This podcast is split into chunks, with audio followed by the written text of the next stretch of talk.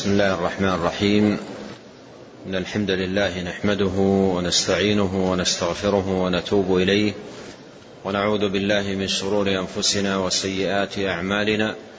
من يهده الله فلا مضل له ومن يضلل فلا هادي له. وأشهد أن لا إله إلا الله وحده لا شريك له. وأشهد أن محمدا عبده ورسوله صلى الله وسلم عليه. وعلى آله وأصحابه أجمعين. نعم. الحمد لله رب العالمين والصلاة والسلام على أشرف الأنبياء والمرسلين نبينا محمد عليه أفضل الصلاة وتم التسليم. قال الإمام الأواب شيخ الإسلام محمد بن عبد الوهاب رحمه الله تعالى وغفر له وللشارح والسامعين. قال باب التحريض على طلب العلم وكيفية الطلب. قال فيه حديث الصحيحين في فتنة القبر إن المنعم يقول جاءنا بالبينات إن المنعم يقول جاءنا بالبينات والهدى فآمنا وأجبنا واتبعنا وأن المعذب يقول سمعت الناس يقولون شيئا فقلته. قال رحمه الله تعالى باب التحريض على طلب العلم وكيفية الطلب. التحريض عرفنا معناه سابقا وأن المراد به الحث والترغيب.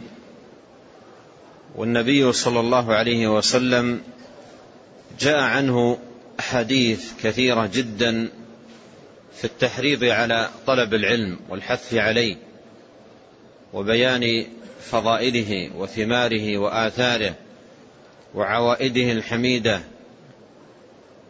على طالب العلم في دنياه وأخراه. وسيأتي طائفة طيبة من الأحاديث الثابتة عن النبي صلى الله عليه وسلم في هذا الباب. فهذه الترجمة عقدها رحمه الله ليبين فضل طلب العلم الشرعي ومكانته العالية وثماره الطيبة على طالب العلم في الدنيا والآخرة. وأيضا يبين من خلال هذه الترجمة كيفية الطلب وشيئا من الوسائل التي ينبغي أن يسلكها طالب العلم في طلبه للعلم وسعيه لتحصيله. وأورد رحمه الله تعالى جملة من الأحاديث في هذا الباب بدأها بالإشارة إلى الحديث الذي في الصحيحين والذي فيه ذكر لنعيم القبر وعذابه وذكر لفتنة القبر.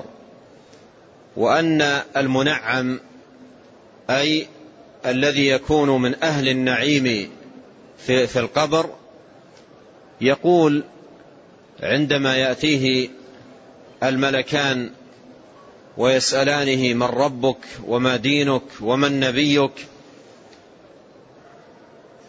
يقول جاءنا بالبينات والهدى. جاءنا بالبينات والهدى فآمنا وأجبنا واتبعنا.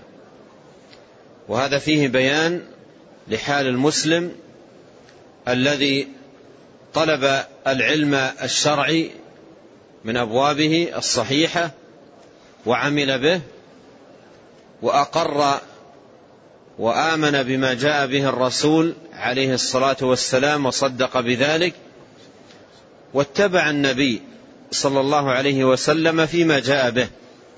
ولهذا قال جاءنا بالبينات والهدى. جاءنا بالبينات. أي جاءنا بالحجج الواضحات والدلائل الظاهرات.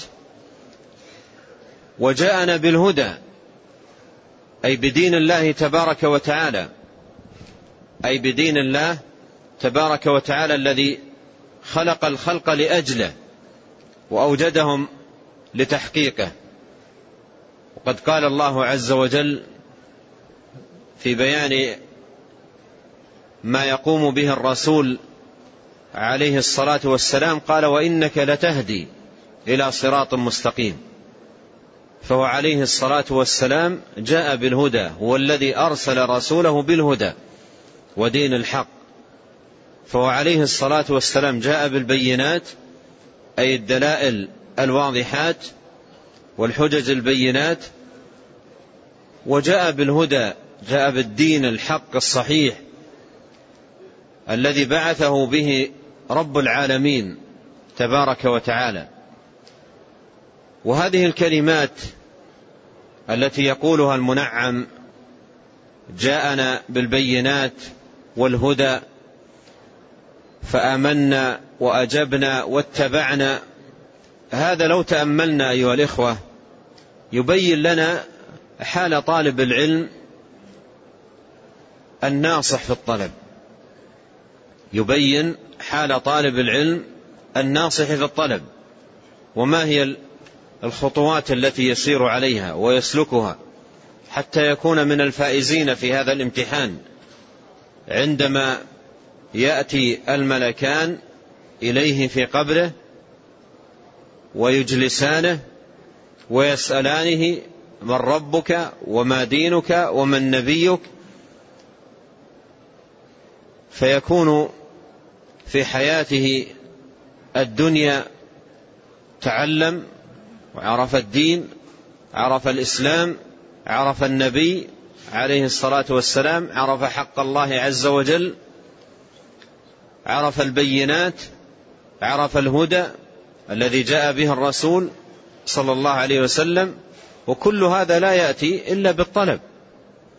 كل هذا لا يأتي إلا بالطلب بطلب العلم والبحث عنه والسؤال عنه وإعطائه جزءا من حياة الإنسان ووقته في في في في تحصيل العلم ونيله. فهذه أمور لا بد فيها من الطلب. لا بد فيها من الجلوس للتعلم والتفقه في دين الله جل وعلا. ولهذا جاء في الحديث الصحيح عن النبي صلى الله عليه وسلم أنه قال إنما العلم بالتعلم. إنما العلم بالتعلم. أي أنه لا بد من بذل وقت وبذل جهد وسعي وجد واجتهاد كي ينال الإنسان العلم ويحصل شيئا منه. لا أن يبقى في بيته وفي داره وعلى فراشه وينتظر أن يأتيه العلم في في فراشه وفي مكانه دون أن يذهب للبحث عنه ولطلبه.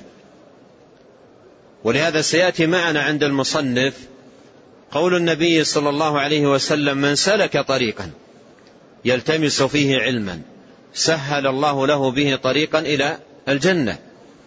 لا بد من سلوك طريق طلب العلم وتحصيله ولا بد من الصبر على ذلك. فاذا هنا قوله جاءنا بالبينات والهدى.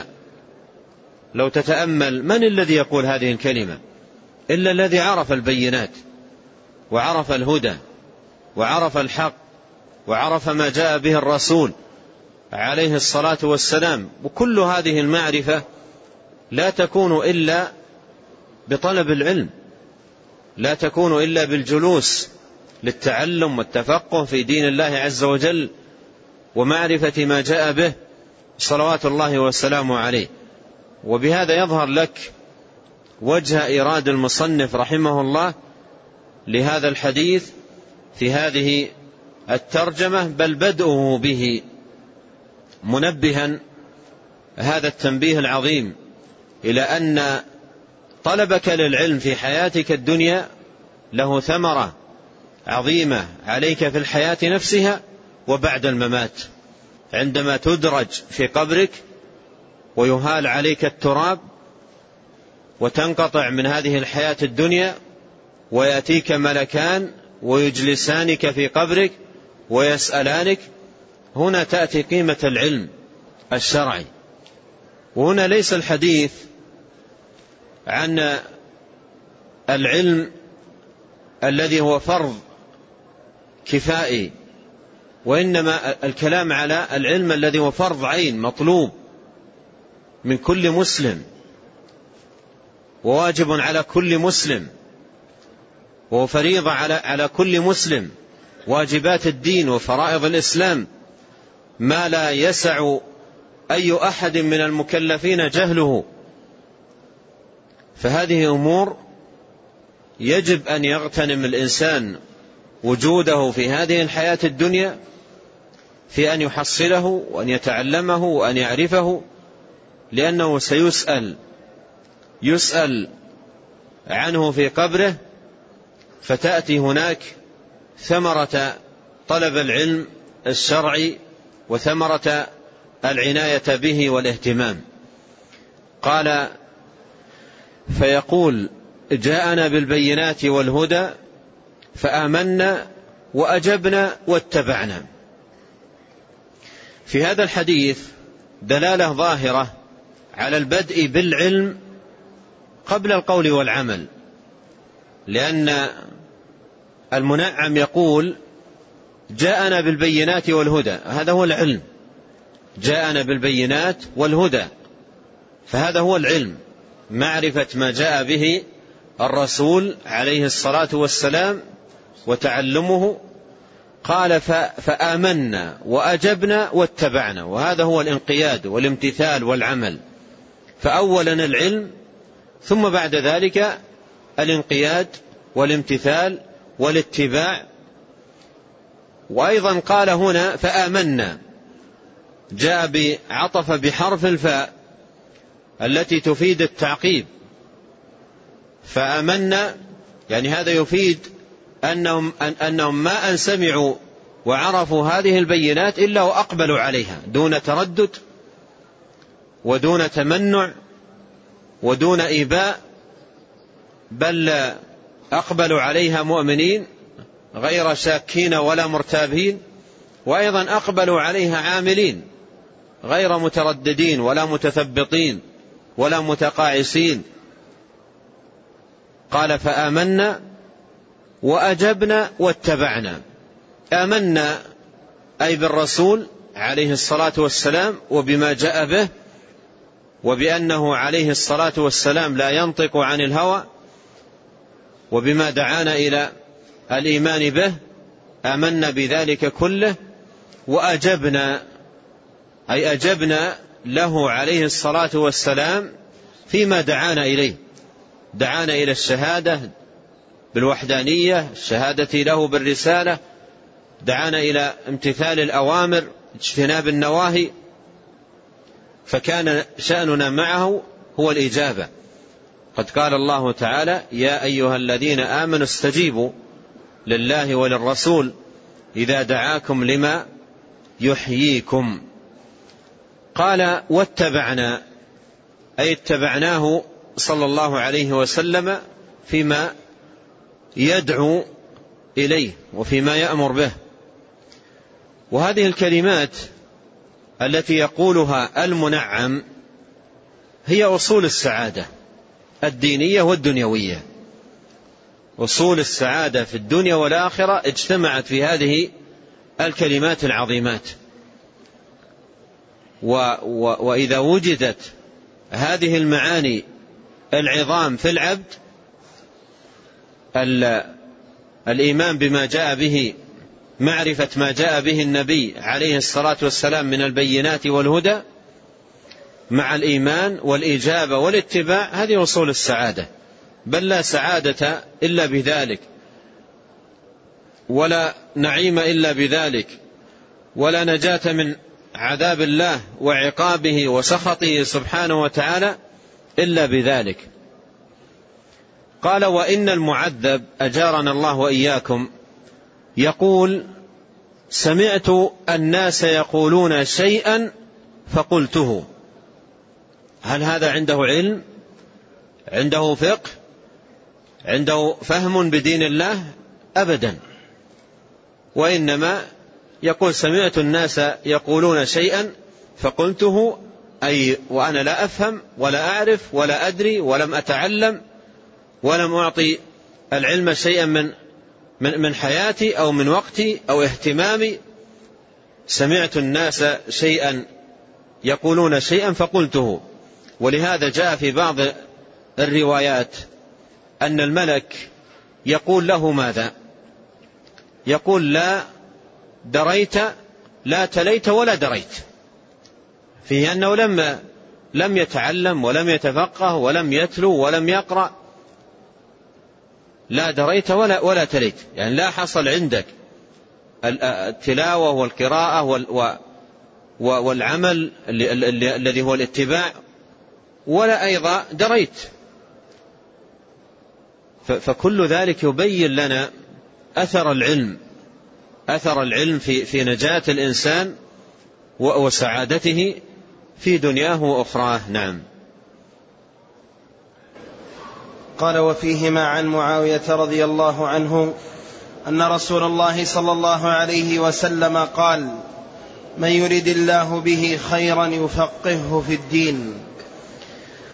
ثم أورد رحمه الله تعالى هذا الحديث عن معاوية رضي الله عنه أن رسول الله صلى الله عليه وسلم قال من يرد الله به خيرا يفقهه في الدين وهذا أيضا فيه مكانة العلم. مكانة العلم العالية الرفيعة وأن من مكانته العالية أن توفيق الله سبحانه وتعالى لعبده بأن يكون طالب علم هذا من إرادة الخير به من إرادة الخير من إرادة الله تبارك وتعالى الخير بعبده أن يفقهه في الدين أي أن يوفقه سبحانه وتعالى إلى التفقه في الدين. وقوله في في الحديث يفقهه أي الله عز وجل يفقهه في الدين. فيه أن التوفيق لطلب العلم وتحصيله وفهمه ومعرفة مسائله وضبطها كل ذلك منة الله على عبده. كل ذلك منة الله جل وعلا على عبده. فهو الموفق وهو المعين.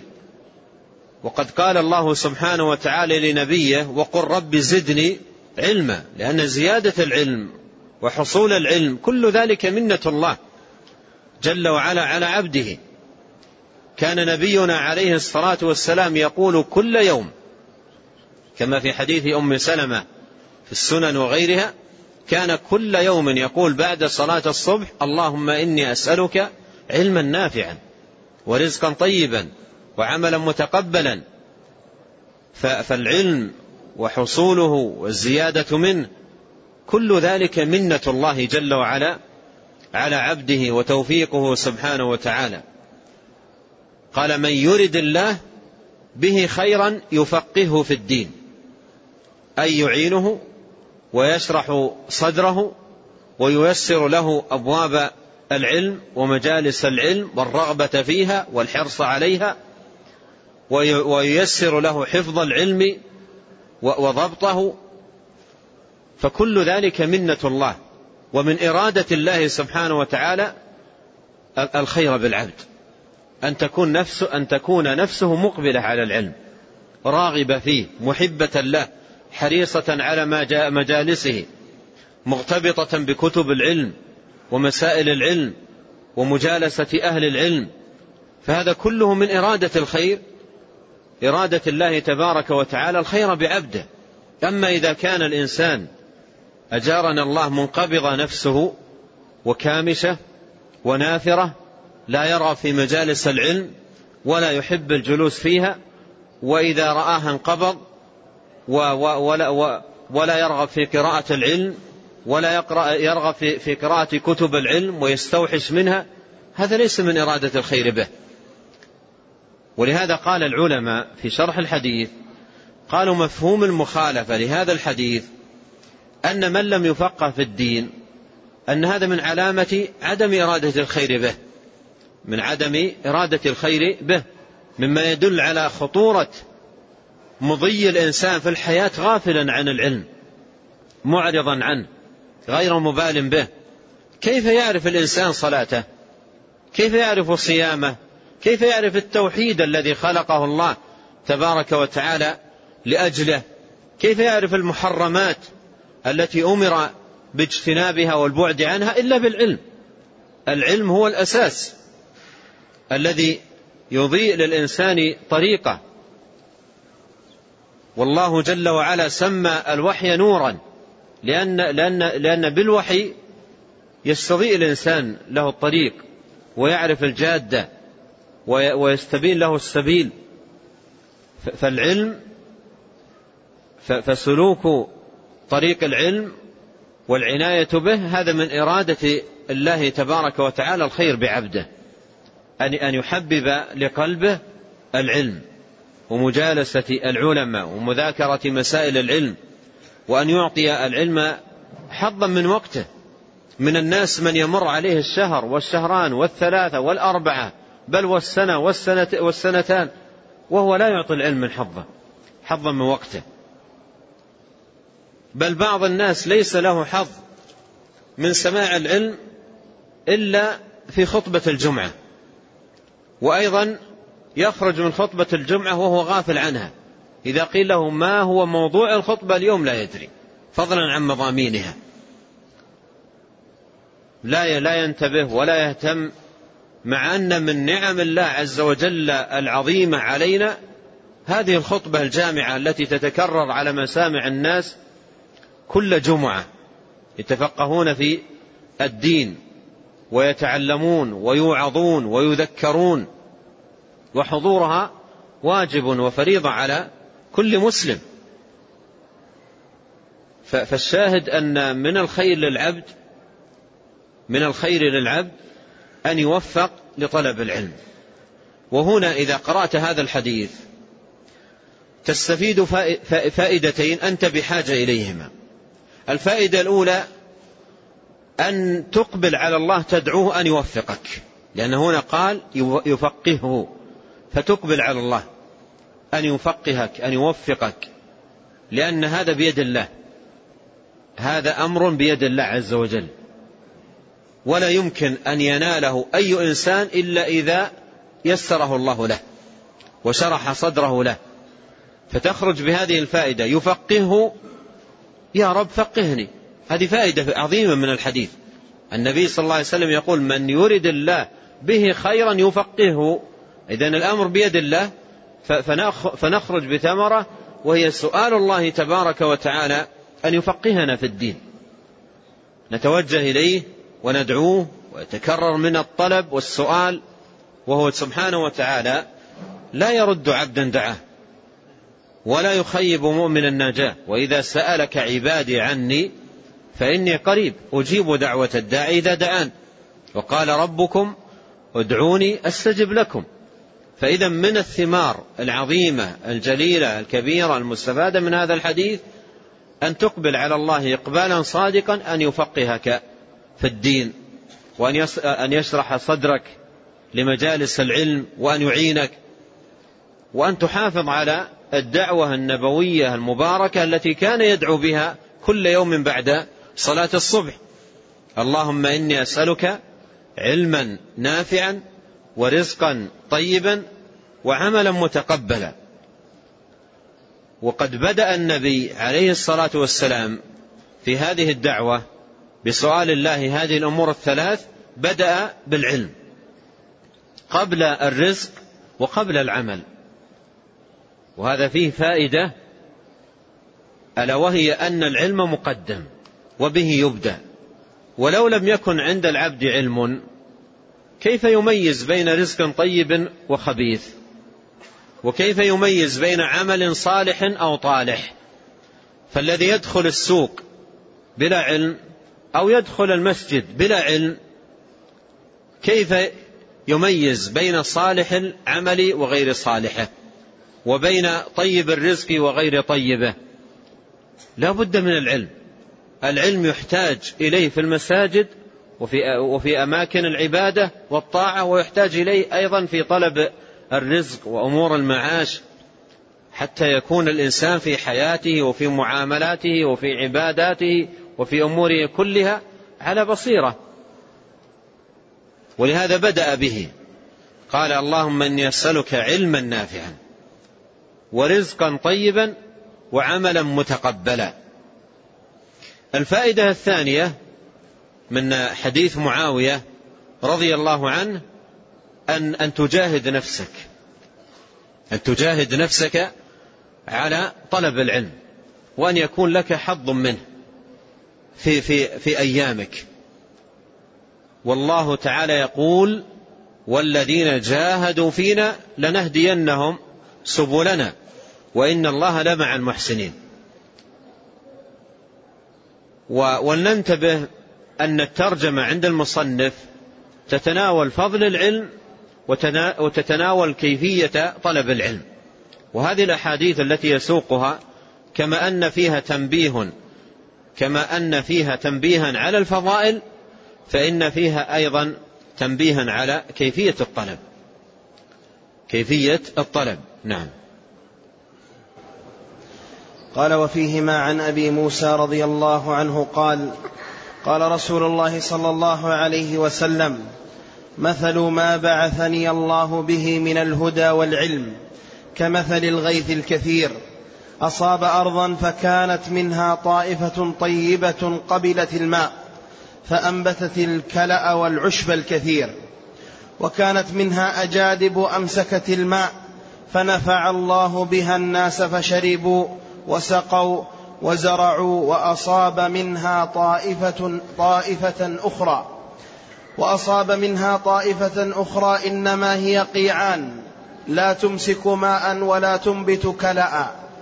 فذلك مثل من فقه في دين الله ونفعه ما بعثني الله به ونفعه ما بعثني الله به فعلم وعلم. ومثل من لم يرفع بذلك رأسا ولم يقبل هدى الله ومثل من لم يرفع بذلك رأسا ولم يقبل هدى الله الذي أرسلت به. أعد الحديث. قال و قال وفيهما عن أبي موسى رضي الله عنه قال قال رسول الله صلى الله عليه وسلم مثل ما بعثني الله به من الهدى والعلم كمثل الغيث الكثير أصاب أرضا فكانت منها طائفة طيبة قبلت الماء فأنبتت الكلأ والعشب الكثير وكانت منها أجادب أمسكت الماء فنفع الله بها الناس فشربوا وسقوا وزرعوا وأصاب منها طائفة وأصاب منها طائفة أخرى إنما هي قيعان. لا تمسك ماء ولا تنبت كلا. فذلك مثل من فقه في دين الله ونفعه ما بعثني الله به. فعلم وعلم. ومثل من لم يرفع بذلك راسا ولم يقبل هدى الله الذي أرسلت به. ثم أورد رحمه الله تعالى هذا الحديث الذي ضرب فيه النبي صلى الله عليه وسلم مثلا بليغا وعظيما لما بعثه الله تبارك وتعالى به من الهدى والخير. وأيضا بيانا لحال الناس وواقعهم مع هذا الخير والهدى الذي بعث به صلوات الله وسلامه عليه. فضرب مثلا بديعا يبين هذه الحقيقة ويجلي هذا الأمر. ومن شأن الأمثال أنها تجعل الأمر المعنوي بمثابة الأمر المحسوس المشاهد. فتقرب المعاني وتتضح وتظهر وتنجلي. والقرآن والسنة فيهما أمثال كثيرة. هذا الغرض منها. فهنا ضرب عليه الصلاة والسلام مثلا يبين فيه ما جاء به أو يبين من خلاله ما جاء به من الخير والهدى. وواقع الناس مع هذا الخير. فيقول عليه الصلاة والسلام مثل ما بعثني الله به من الخير والهدى مثل ما بعثني الله به من العلم من الهدى والعلم كمثل الغيث الكثير يعني كمثل المطر الغزير الكثير. وهذا فيه أن ما جاء به عليه الصلاة والسلام من الوحي والعلم والهدى مثل المطر. وفي مشابهة هناك مشابهة بين الوحي والمطر. هناك مشابهة بين الوحي والغيث. الوحي سقيا للقلوب لا تحيا إلا به. والغيث سقيا للأرض والنبات لا تحيا إلا به. ففيه مشابهة أن كل من الغيثين الغيث الذي هو الوحي والغيث الذي هو المطر بهما الحياة. الحياة لا تكون إلا بهما. حياة الأرض والزروع والنبات لا تكون إلا بالمطر وحياة القلوب والأرواح لا تكون إلا بالوحي. ولهذا قال الله سبحانه وتعالى في سورة الحديد ألم يأن للذين آمنوا أن تخشع قلوبهم لذكر الله وما نزل من الحق؟ ولا يكونوا كالذين أوتوا الكتاب من قبل فقست قلوبهم فطال عليهم الأمد فقست قلوبهم وكثير منهم فاسقون. اعلموا أن الله يحيي الأرض بعد موتها. قد بينا لكم الآيات لعلكم تعقلون. هذا هو المثل. هذا المثل الذي ذكر هنا في هذا الحديث جاء في هذه الآية الكريمة. لما ذكر الله عز وجل الوحي ودعا عباده أن تخشع قلوبهم لسماعه حذر من أن, أن تكون حالهم كحال أقوام طال عليهم الأمد أي بعد العهد عندهم عن الوحي والرسالات وما جاء به الرسل من الحق والخير والعلم والهدى فقست قلوبهم. القلب عندما يبعد عن الوحي يقسو ثم يذبل ثم يموت. ولهذا قال الله عز وجل أو من كان ميتا فأحييناه. أحييناه بماذا؟ أو من كان ميتا فأحييناه. أي, أحيي أي, أي أحييناه بالوحي. مر معنا الآية الكريمة يا أيها الذين آمنوا استجيبوا لله وللرسول إذا دعاكم لما يحييكم. يحييكم أي بالوحي تحيا القلوب بالوحي. فلما ذكر من بعد عهدهم بالوحي وطال أمدهم قال فقست قلوبهم. القلب عندما يبعد عن الوحي يقسو. يقسو ويذبل ويضعف إلى أن يموت.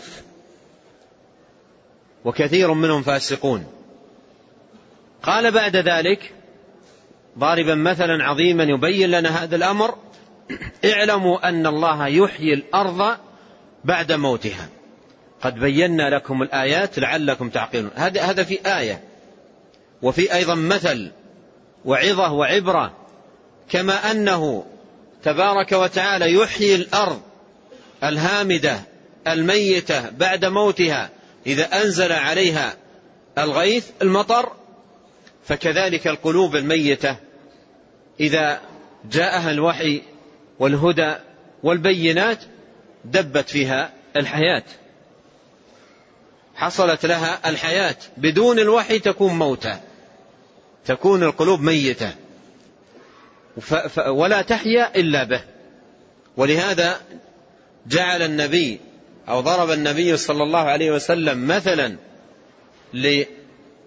للوحي الذي بعث به جعل مثل ذلك الغيث الذي تحيا به الزروع والنبات. وهذا فيه دعوة للتفكر. أنت عندما ترى أرضا يابسة ثم, ثم تراها بعد حين وقد نزل المطر فخرجت الزروع البهيجة والنباتات المتنوعة والزهور الجميلة والرائحة الطيبة. أصبحت تبهج قلبك عندما تراها بعد أن كانت يابسة. هذا مثل لك. هذا مثل لك تعرف من خلاله قيمة العلم والوحي. كما أن هذه الأرض حصلت لها هذه الحياة بالمطر الذي أنزله الله عليها فكذلك القلوب لا تحصل لها حياتها إلا بالوحي. ولأجل هذا, ولأجل هذا الشبه بين الوحي والغيث وبين الأرض والنبات عدد من أهل العلم سموا مصنفاتهم التي ألفوها في العلم بأسماء تفيد هذا المعنى. بستان العارفين الروض المربع الرياض الناظرة إلى غير ذلك من حدائق الأزهار أشياء كثيرة تجدها من كتب أهل العلم مؤلفة بهذه الأسماء. لماذا؟ لأن, لأن العلم بستان. العلم حديقة. العلم روضة. روضة مباركة. وكل ما كان حظ الإنسان من من العلم أكبر ونصيبه منه أوفر زاد حجم حديقته وزاد أيضا حجم ثمارها وآثارها. الله عز وجل قال في القرآن الكريم ألم تر كيف ضرب الله مثلا كلمة طيبة كشجرة طيبة. أصلها ثابت وفرعها في السماء تؤتي أكلها كل حين بإذن ربها ويضرب الله الأمثال للناس لعلهم يتذكرون. فهذه أمثال. أمثال عظيمة جليلة مباركة تبين لنا هذا الأمر وتجليه. ونبينا عليه الصلاة والسلام عندما ضرب لنا هذا المثل العظيم ضربه لنعرف من خلاله ونستظهر من خلاله هذه الحقيقة في آه، مكانة العلم العالية الرفيعة وأيضا مسيس حاجة القلوب إلى العلم وتحصيله. قال مثل ما بعثني الله به من الهدى والعلم كمثل الغيث الكثير. مثل كمثل الغيث الكثير. الغيث الكثير يختلف عن الغيث القليل من جهة أنه يغطي جميع الحاجات. أليس كذلك؟ الغيث الكثير يغطي جميع الحاجات.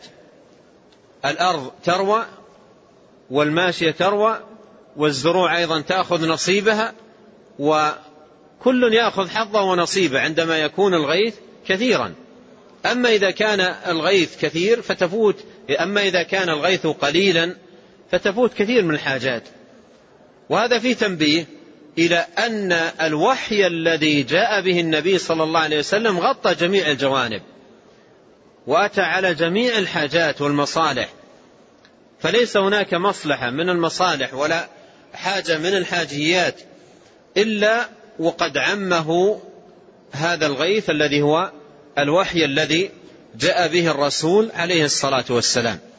فقوله الكثير في تنبيه على كمال الدين وشموله لجميع جوانب الحياة وجميع ما يحتاجه الإنسان في عبادته لله وتقربه إليه سبحانه وتعالى. ثم بين بعد ذلك حال الناس مع هذا الوحي. قال فأصاب أصاب أرضا. أصاب أرضا. فكانت منها طائفة طيبة. أصاب أرضا أي أصاب أنواعا من الأراضي. أو عددا من من الأراضي أصاب أرضا فكانت منها طائفة طيبة قبلت الماء فأنبتت الكلى والعشب الكثير. هذا قسم قسم آه، من من الأراضي قبل الماء. يقبل الماء يشرب الماء ويرتوي من الماء ولهذا أيضا تظهر الثمرة ثمرة قبول الماء والارتواء منه وهو أنها أنبتت العشب الكثير أرض طيبة.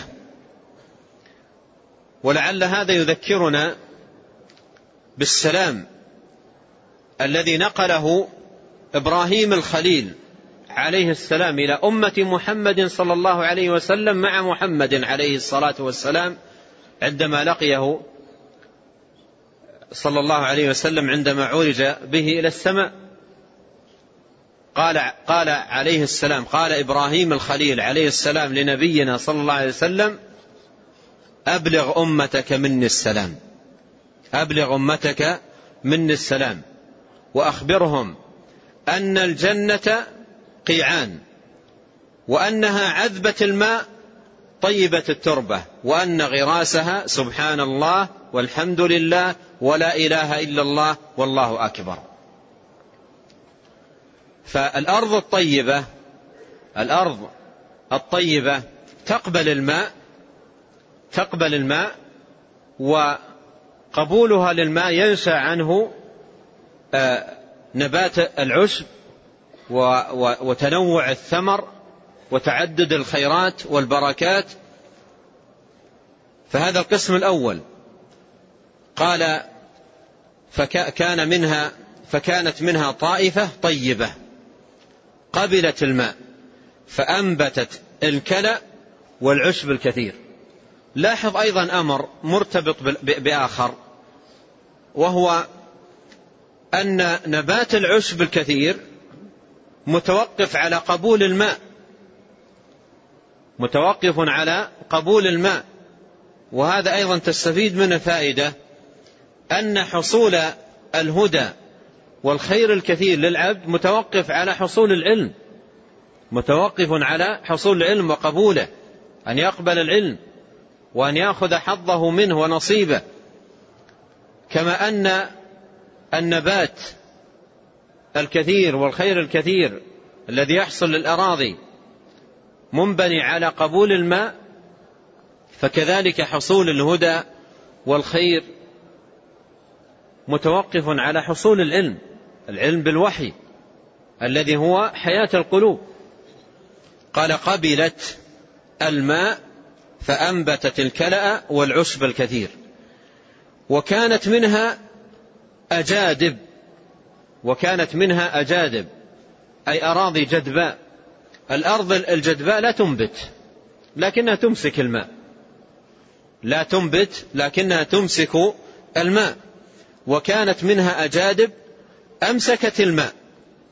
فنفع الله به الناس فشربوا وسقوا وزرعوا. أمسكت الماء أي حفظته. لكنها أرض جدباء لا تستفيد هي من الماء ولا تنتفع به. لا تستفيد منه ولا تنتفع به. وهذا حال من, من يحفظ العلم وينقله ولا يكون له حظ منه ولا يكون له حظ منه فيستفيد منه غيره آه، فيستفيد منه غيره ولا يستفيد هو منه.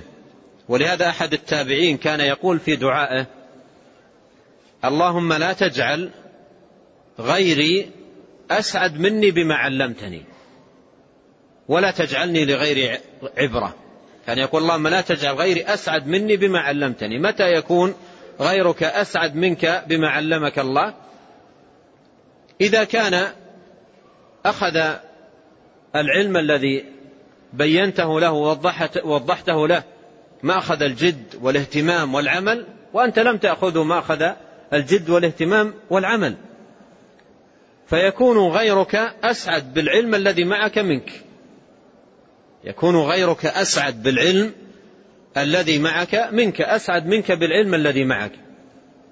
فيعرفون أمورا و ويتعلمون أمورا يعملون بها وينتفعون بها ويسعدون بها ويكون الذي علمهم وبين لهم حارما نفسه من هذا الخير. والأرض عندما تكون أرض جدباء عندما تكون أرضا جدباء تمسك الماء تأتي الماشية وتشرب ويأتي الناس ويروون منها ويأخذون منها لمزارعهم ويستفيد الناس. لكن الأرض بنفسها وبذاتها التي عليها هذا الماء لا تستفيد منه شيئا. ولهذا ينتهي الماء ولا ترى في الأرض الجدباء آه، نباتة واحدة خضراء. لا ترى فيها نباتا لأن أرض جدباء لا تنبت. قال وكانت منها أجادب أمسكت الماء فنفع الله بها الناس فشربوا وسقوا وزرعوا. وأصاب منها طائفة أخرى أي طائفة من الأراضي أخرى إنما هي قيعان. إنما هي قيعان. لا تمسك ماء ولا تنبت كلأ. الماء لا, لا تحفظه ولا أيضا ينبت فيها ولا ينبت فيها نباتا. لا تمسك ماء ولا تنبت كلأ. ثم وضح النبي عليه الصلاة والسلام مدلول هذا المثل. قال فذلك مثل من فقه في, في, في دين الله ونفعه ما بعثني الله به الذي يفقه الدين وينتفع بما بعثه بما بعث الله سبحانه وتعالى به. هذا مثله مثل الأرض الطيبة التي قبلت الماء وأنبتت الكلأ والعشب الكثير. قال ومثل من لم يرفع بذلك رأسا ولم يقبل هدى الله الذي أرسلت به. ولم يقبل هدى الله الذي أرسلت به. سواء فرط في بيان مقصود العمل مقصود العلم. يقول علي رضي الله عنه يهتف بالعلم العمل فإن أجابه وإلا ارتحل مقصود العلم العمل. أو فرط في العلم والعمل معا. فهذا مثال عظيم مبارك ضربه النبي عليه الصلاة والسلام لأمته مبينا من خلاله حقيقة الوحي الذي بعثه الله تبارك وتعالى به وأيضا بين من خلاله واقع الناس مع هذا الوحي من حيث القبول والرد. نعم. قال ولهما عن عائشة رضي الله عنها مرفوعا إذا رأيتم الذين يتبعون ما تشابه منه فأولئك فأولئك الذين سمى الله فاحذروهم. ثم ثم ذكر رحمه الله هذا الحديث حديث عائشة وكان مر معنا آه، سابقا عندما أورد المصنف رحمه الله تعالى قول الله سبحانه وتعالى هو الذي أنزل عليك الكتاب منه آيات محكمات هن أم الكتاب وأخر متشابهات. فأما الذين في قلوبهم زيغ فيتبعون ما تشابه منه ابتغاء الفتنة وابتغاء تأويله. فقال عليه الصلاة والسلام إذا رأيتم الذين يتبعون ما تشابه منه أي ما أي ما تشابه من آي الكتاب فأولئك الذين سمى الله أي سماهم الزائغين ووصفهم بالزيغ.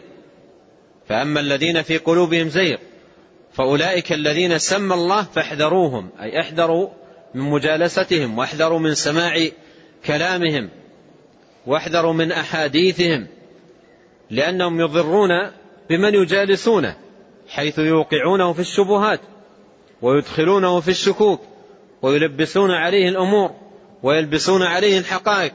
ولهذا قال عليه الصلاة والسلام فاحذروهم احذروهم من حيث المجالسة من حيث سماع الحديث الذي يقولونه من حيث قراءة الكتب التي يكتبونها كل ذلك يحذر. كل ذلك يحذر إذا كان حال الإنسان اتباع المتشابه من آية القرآن ابتغاء الفتنة وابتغاء تأويله.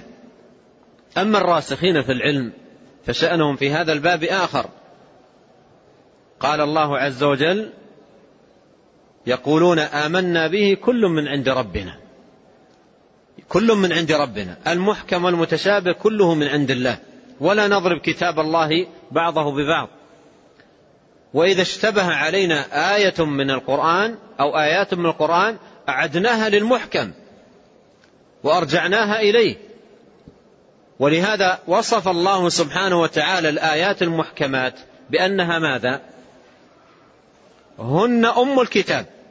وأم الشيء أصله الذي إليه يرجع.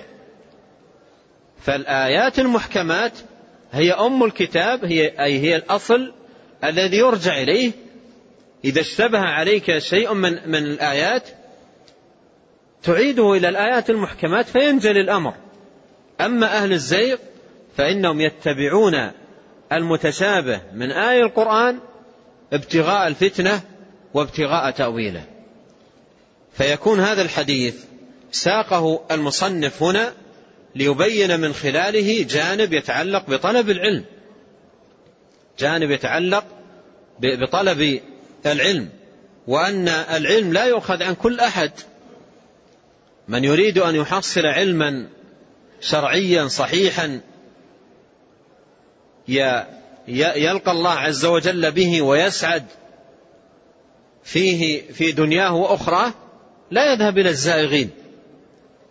لا يذهب إلى الزائغين. الذين ذكر النبي صلى الله عليه وسلم علامتهم هنا. إذا رأيتم الذين يتبعون ما تشابه منه. إذا رأيتم الذين يتبعون ما تشابه منه. فأولئك الذين سمى الله فاحذروهم. فلا يؤخذ العلم عن كل متكلم. لا يؤخذ العلم عن كل متكلم. وإنما يؤخذ عن أهل العلم الذين بنوا علمهم على كتاب الله عز وجل وسنة نبيه صلى الله عليه وسلم يؤخذ عن أهل البصيرة في دين الله تبارك وتعالى لا أن يؤخذ عن كل متكلم. ولما أصبح الناس يأخذون العلم عن كل متكلم دخلوا في متاهات ودخلوا في في شكوك وفي شبهات والتبست عليهم الأمور ومرضت القلوب بالوساوس والأسقام. ولا سيما في زماننا هذا الزمن الذي آه، كثرت فيه وسائل الاتصال وسائل النشر والفضائيات والقنوات والشبكة العنكبوتية الإنترنت الوسائل كثرت. وأصبح كثير من الناس لا يبالي عمن أخذ ويسمع لكل متكلم. هذا من أسباب مرض القلوب. عبد الله بن المبارك رحمه الله من علماء التابعين دخل عليه رجل من أهل البدع. وقال أريد أن أقرأ عليك آية من كتاب الله. قال اخرجوه عني. فقيل له لماذا؟ قال خشيت أن يطرح في قلبي شبهة فتجلجل في صدري حتى أموت. يعني تتردد في قلبي إلى أن أموت. الشبه تضر الإنسان مضرة بليغة جدا. ولهذا يحتاج طالب العلم في في طلبه للعلم أن يبحث عن العلماء الأمناء الناصحين الذين لهم فقه وبصيرة في دين الله ويلزمهم. يلزمهم ويتلقى عليهم ويأخذ عنهم. وإذا رأى الذين يتبعون ما تشابه منه ابتغاء الفتنة وابتغاء تأويله فهذا فهؤلاء يحذرهم لتحذير النبي صلى الله عليه وسلم منهم. فهذا الحديث يتعلق بكيفية الطلب. نعم. قال وعن ابن مسعود رضي الله عنه قال قال رسول الله صلى الله عليه وسلم ما من نبي بعثه الله في أمته قبلي إلا كان له من امته حواريون وأصحاب يأخذون بسنته ويقتدون بأمره ثم إنها تخلف من بعدهم خلوف يقولون ما لا يفعلون ويفعلون ما لا يؤمرون فمن جاهدهم بيده فهو مؤمن ومن جاهدهم بلسانه فهو مؤمن ومن جاهدهم بقلبه فهو مؤمن وليس وراء ذلك من الإيمان حبة خردل. رواه مسلم. هذا الحديث حديث ابن مسعود فيه معاني عظيمة جدا ومهمة وربما تحتاج إلى شيء من الوقت فيؤجل إن شاء الله إلى درس الغد بإذن الله عز وجل. وأريد أن أسأل عن درس مر معنا من يومين أو ثلاثة.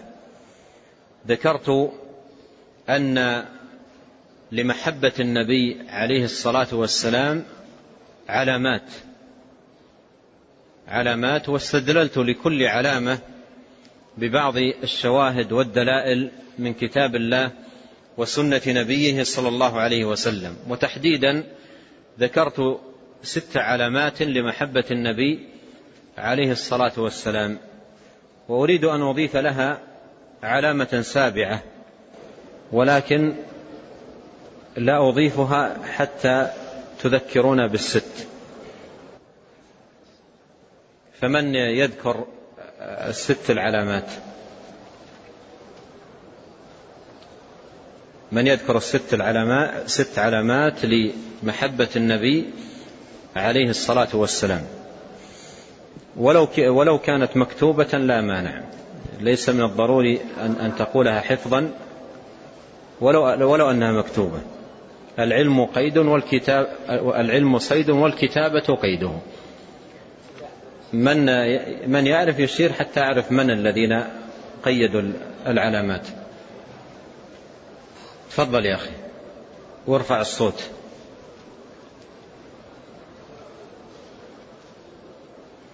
ما أدري أنك بدأت تتكلم. ارفع, الصوت. الأمر الأول اتباعه. الأمر الأول اتباعه وامتثال أمره. الأمر الثاني محبة محبة رؤيته صلى الله عليه وسلم والإكثار من من ذكره. نعم. الأمر الثالث العناية بالقرآن. العناية بالقرآن الذي هو كتابه عليه الصلاة والسلام الذي أنزل عليه. وأوردت هنا أثر عن عبد الله بن مسعود رضي الله عنه قال فيه لا يسأل أحد نفسه غير القرآن فإذا كان يحب القرآن فهو يحب الله ورسوله. إذا كان يحب القرآن فهو يحب الله ورسوله. فالعناية بالقرآن هذه من من الدلائل على محبة النبي عليه الصلاة والسلام لأن هذا كتاب النبي الذي بعثه الله تبارك وتعالى به. والعناية بالقرآن علما وعملا. نعم. هذا الثالث الرابع. الرابع إيش؟ نعم. الرابع نصرته وتعزيره. وتوقيره لتؤمنوا بالله ورسوله وتعزروه وتوقروه. نعم. الخامس البعد عن البدع التي حذر منها عليه الصلاة والسلام. من أحدث في أمرنا هذا ما ليس منه فهو رد. وكل محدثة بدعة وكل بدعة ضلالة. السادس السادس عدم الغلو فيه. لأنه عليه الصلاة والسلام نهى عن ذلك. قال إياكم والغلو. وقال لا تطروني كما أطرت النصارى عيسى ابن مريم. وقال ما أحب أن ترفعوني فوق منزلتي التي أنزلني الله إياها. فالذي يحبه حبا صادقا لا يغلو فيه. لأنه عليه الصلاة والسلام نهى عن ذلك. أريد آخر أيضا يعيد علينا هذه الأمور الستة. الأول الاتباع. تذكر دليل الاتباع؟ نعم. قل إن كنتم تحبون الله فاتبعوني يحببكم الله ويغفر لكم ذنوبكم. الأمر الثاني هذه انتهينا منها. طاعته واتباعه انتهينا منها. هذه علامات المحبة. محبة رؤيته والإكثار من ذكره. في محبة رؤيته أوردت حديثا في صحيح مسلم. تذكرونه؟ نعم. ولو بأهله وماله. إن, إن من أشد أمتي حبا لي أناسا يأتون من بعدي يتمنى أو يود أحدهم لو رآني بماله وأهله. توقيره ونصرته. نعم. ها؟ عدم الغلو فيه. هذه أربعة باقي اثنين.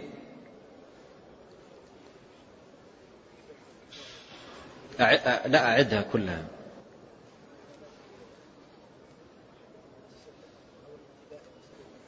طيب لمحبة النبي عليه الصلاة والسلام سبع علامات. لمحبة النبي عليه الصلاة والسلام سبع علامات أذكرها باختصار. العلامة الأولى اتباعه صلى الله عليه وسلم. العلامة الثانية محبة رؤياه والإكثار من ذكره عليه الصلاة والسلام والصلاة والسلام عليه. العلامة الثالثة العناية بالقرآن الكريم. كتاب العناية بالقرآن الكريم كتاب النبي صلى الله عليه وسلم. وردت هنا أثر ابن مسعود رضي الله عنه. العلامة الرابعة نصرة النبي عليه الصلاة والسلام ونصرة سنته صلى الله عليه وسلم والذب عنه والدفاع عنه. لتؤمنوا بالله ورسوله وتعزروه وتوقروه. العلامة الخامسة البعد عن البدع التي حذر منها صلى الله عليه وسلم ونهى عنها. العلامة السادسة البعد عن الغلو فيه صلى الله عليه وسلم لنهيه عن ذلك وتحذيره منه في أحاديث عديدة. العلامة السابعة ولم أذكرها في اللقاء السابق محبة من أحب ومحبة ما أحب وبغض من أبغض وبغض ما أبغض. مرة ثانية محبة من أحب. محبة من أحبهم النبي عليه الصلاة والسلام أي من الأشخاص. ومحبة ما أحب أي ما أحبه عليه الصلاة والسلام من الخصال والخلال والأعمال. وبغض من أبغض وبغض ما أبغض. بغض من أبغض أي من الأشخاص وبغض ما أبغض أي من الخصال والأعمال. فمن محبة النبي صلى الله عليه وسلم أن يكون كذلك. لا يؤمن أحدكم حتى يكون هواه تبعا لما جئت به. وجاء عنه عليه الصلاة والسلام من أحب عليا فقد أحبني. من أحب الحسن والحسين فقد أحبني. من أحب أسامة بن زيد فقد أحبني. حب الأنصار من الإيمان فمحبة من أحب وبغض من أبغض ومحبة ما أحب وبغض ما أبغض هذا أيضا من علامات محبة النبي عليه الصلاة والسلام. إذا هذه سبع علامات لمحبته صلى الله عليه وسلم أعيدها. العلامة الأولى اتباعه وامتثال ما جاء به صلى الله عليه وسلم. العلامة الثانية آه، آه، محبة رؤيته عليه الصلاة والسلام والإكثار من ذكره والصلاة والسلام عليه صلى الله عليه وسلم. العلامة الثالثة العناية بالقرآن الكريم. علما وتعلما وعملا وتدبرا. العلامة الرابعة نصرته تعزيره وتوقيره والدفاع عنه والذب عن سنته صلى الله عليه وسلم كل في حدود استطاعته. على ضوء قوله عليه الصلاة والسلام من رأى منكم منكرا فليغيره بيده فإن لم يستطع فبلسانه فإن لم يستطع فبقلبه وذلك أضعف الإيمان. العلامة الخامسة البعد عن البدع ومحدثات الأمور التي حذر منها صلوات الله وسلامه عليه. العلامة السادسة البعد عن الغلو فيه لأنه صلى الله عليه وسلم حذر من ذلك أشد التحذير. في أحاديث كثيرة كقوله إياكم والغلو وقوله لا تطروني كما أطرت النصارى عيسى ابن مريم وقوله ما أحب أن تنزلوني فوق منزلة التي أنزلني الله إياها والعلامة السابعة محبة من أحب ومحبة ما أحب وبغض من أبغض وبغض من أبغض وبغض ما أبغض. وسأكون اليوم ثقيلا عليكم فأعيدها ثالثة تتحملوني العلامة الأولى العلامة الأولى اتباعه صلى الله عليه وسلم.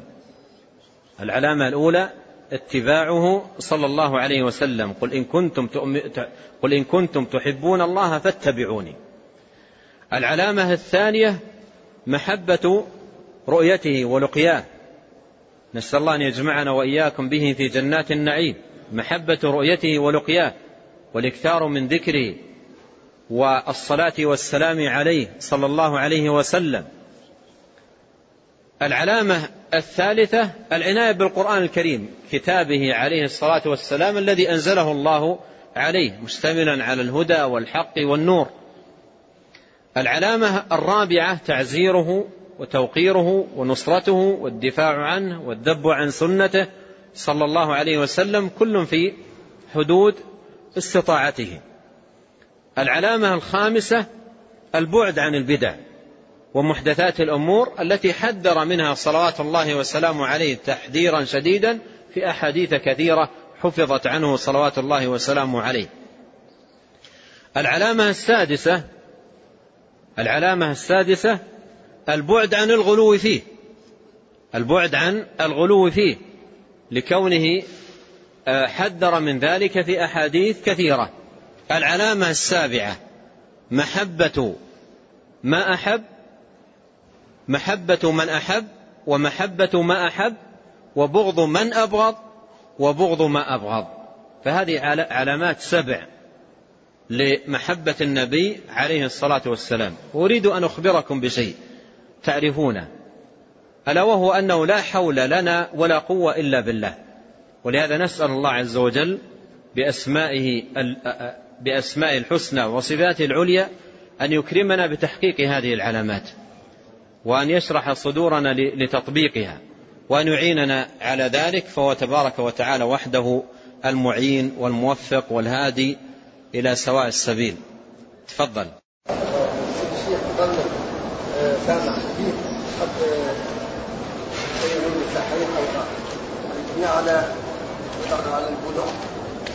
يسمى حديث من سن سنة حسنة في الإسلام فله أجرها وأجر من عمل بها إلى يوم القيامة ولا يقص من دونهم شيء ومن سن سنة سيئة في الإسلام فعليه إذوى وإذر من عمل بها ولا يقص من دونهم شيء إلى يوم القيامة هل هذا الحديث صحيح؟ هذا موجود هنا في الكتاب قرأناه من يومين وشرحناه وهذا الكتاب خذه لك موجود فيه الحديث. اقرأ عبد الرحمن. أحسن الله إليكم وبارك فيكم ونفعنا الله بما قلتم وغفر الله لنا ولكم وللمسلمين أجمعين. هذا سائل يقول نحن حجاج ذاهبون إلى مكة فهل يحق لنا أن نقصر في صلاتنا أم لا؟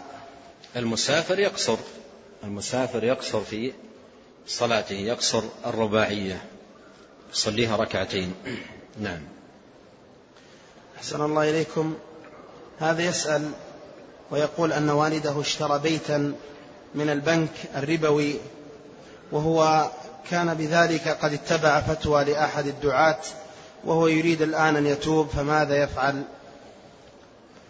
الآن البيت امتلكه وأصبح البيت في حوزته والمال الذي التزم به بالبنك هو مطالب بسداده شاء أم أبى فيسدد المال والبيت له لكن عليه أن يتوب إلى الله عز وجل توبة نصوحا من ارتكابه لهذا الذنب ووقوعه في هذه المعصية.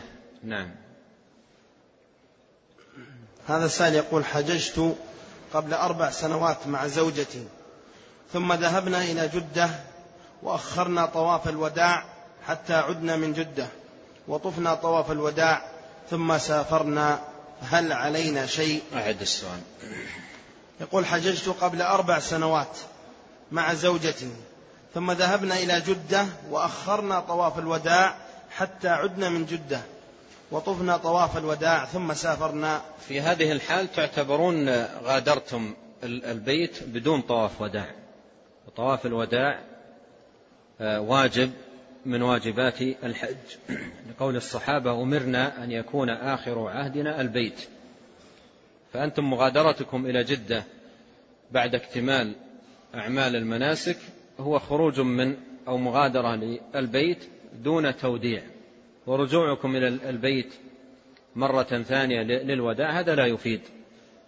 فأنتم ماجورون على الطواف الذي آه، جئتم به لكن الواجب لما يحصل ألا وهو توديع البيت بطواف سبعة أشواط. وقد قال ابن عباس رضي الله عنهما من ترك واجبا فعليه دم. فعليك وعلى آه، زوجتك إذا كانت أيضا فعلت مثلك أن تذبحوا شاة كل واحد منكم يذبح شاة لفقراء الحرم. نعم. أحسن الله إليكم. هذا السائل يقول هل يجوز صب أو صب ماء زمزم على مكان الألم بقصد الاستبراء. آه، ماء, ماء زمزم لما شرب له. وللإنسان أن يشرب وأيضا يرش على على على بدنه. فماء زمزم آه، ماء آه، جعل الله عز وجل فيه خير وبركة وجعل فيه شفاء وعافية. نعم.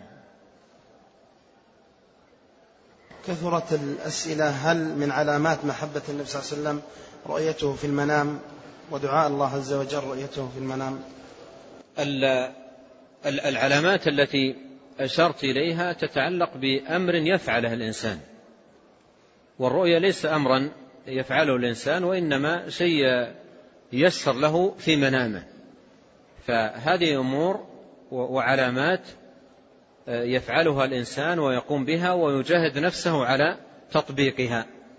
أما الرؤيا المنامية سواء رؤيا النبي عليه الصلاة والسلام أو غير ذلك مما يراه الإنسان في منامه فهي تكون للبشارة وتكون للنذارة. والسلف رحمهم الله قالوا كلمة جميلة تتعلق بالرؤية. قالوا الرؤيا المنامية تسر المؤمن ولا تغره. تسر المؤمن ولا تغره يعني. إذا رأى شيئا في منامه يسر يفرح بذلك لكن لا يغتر.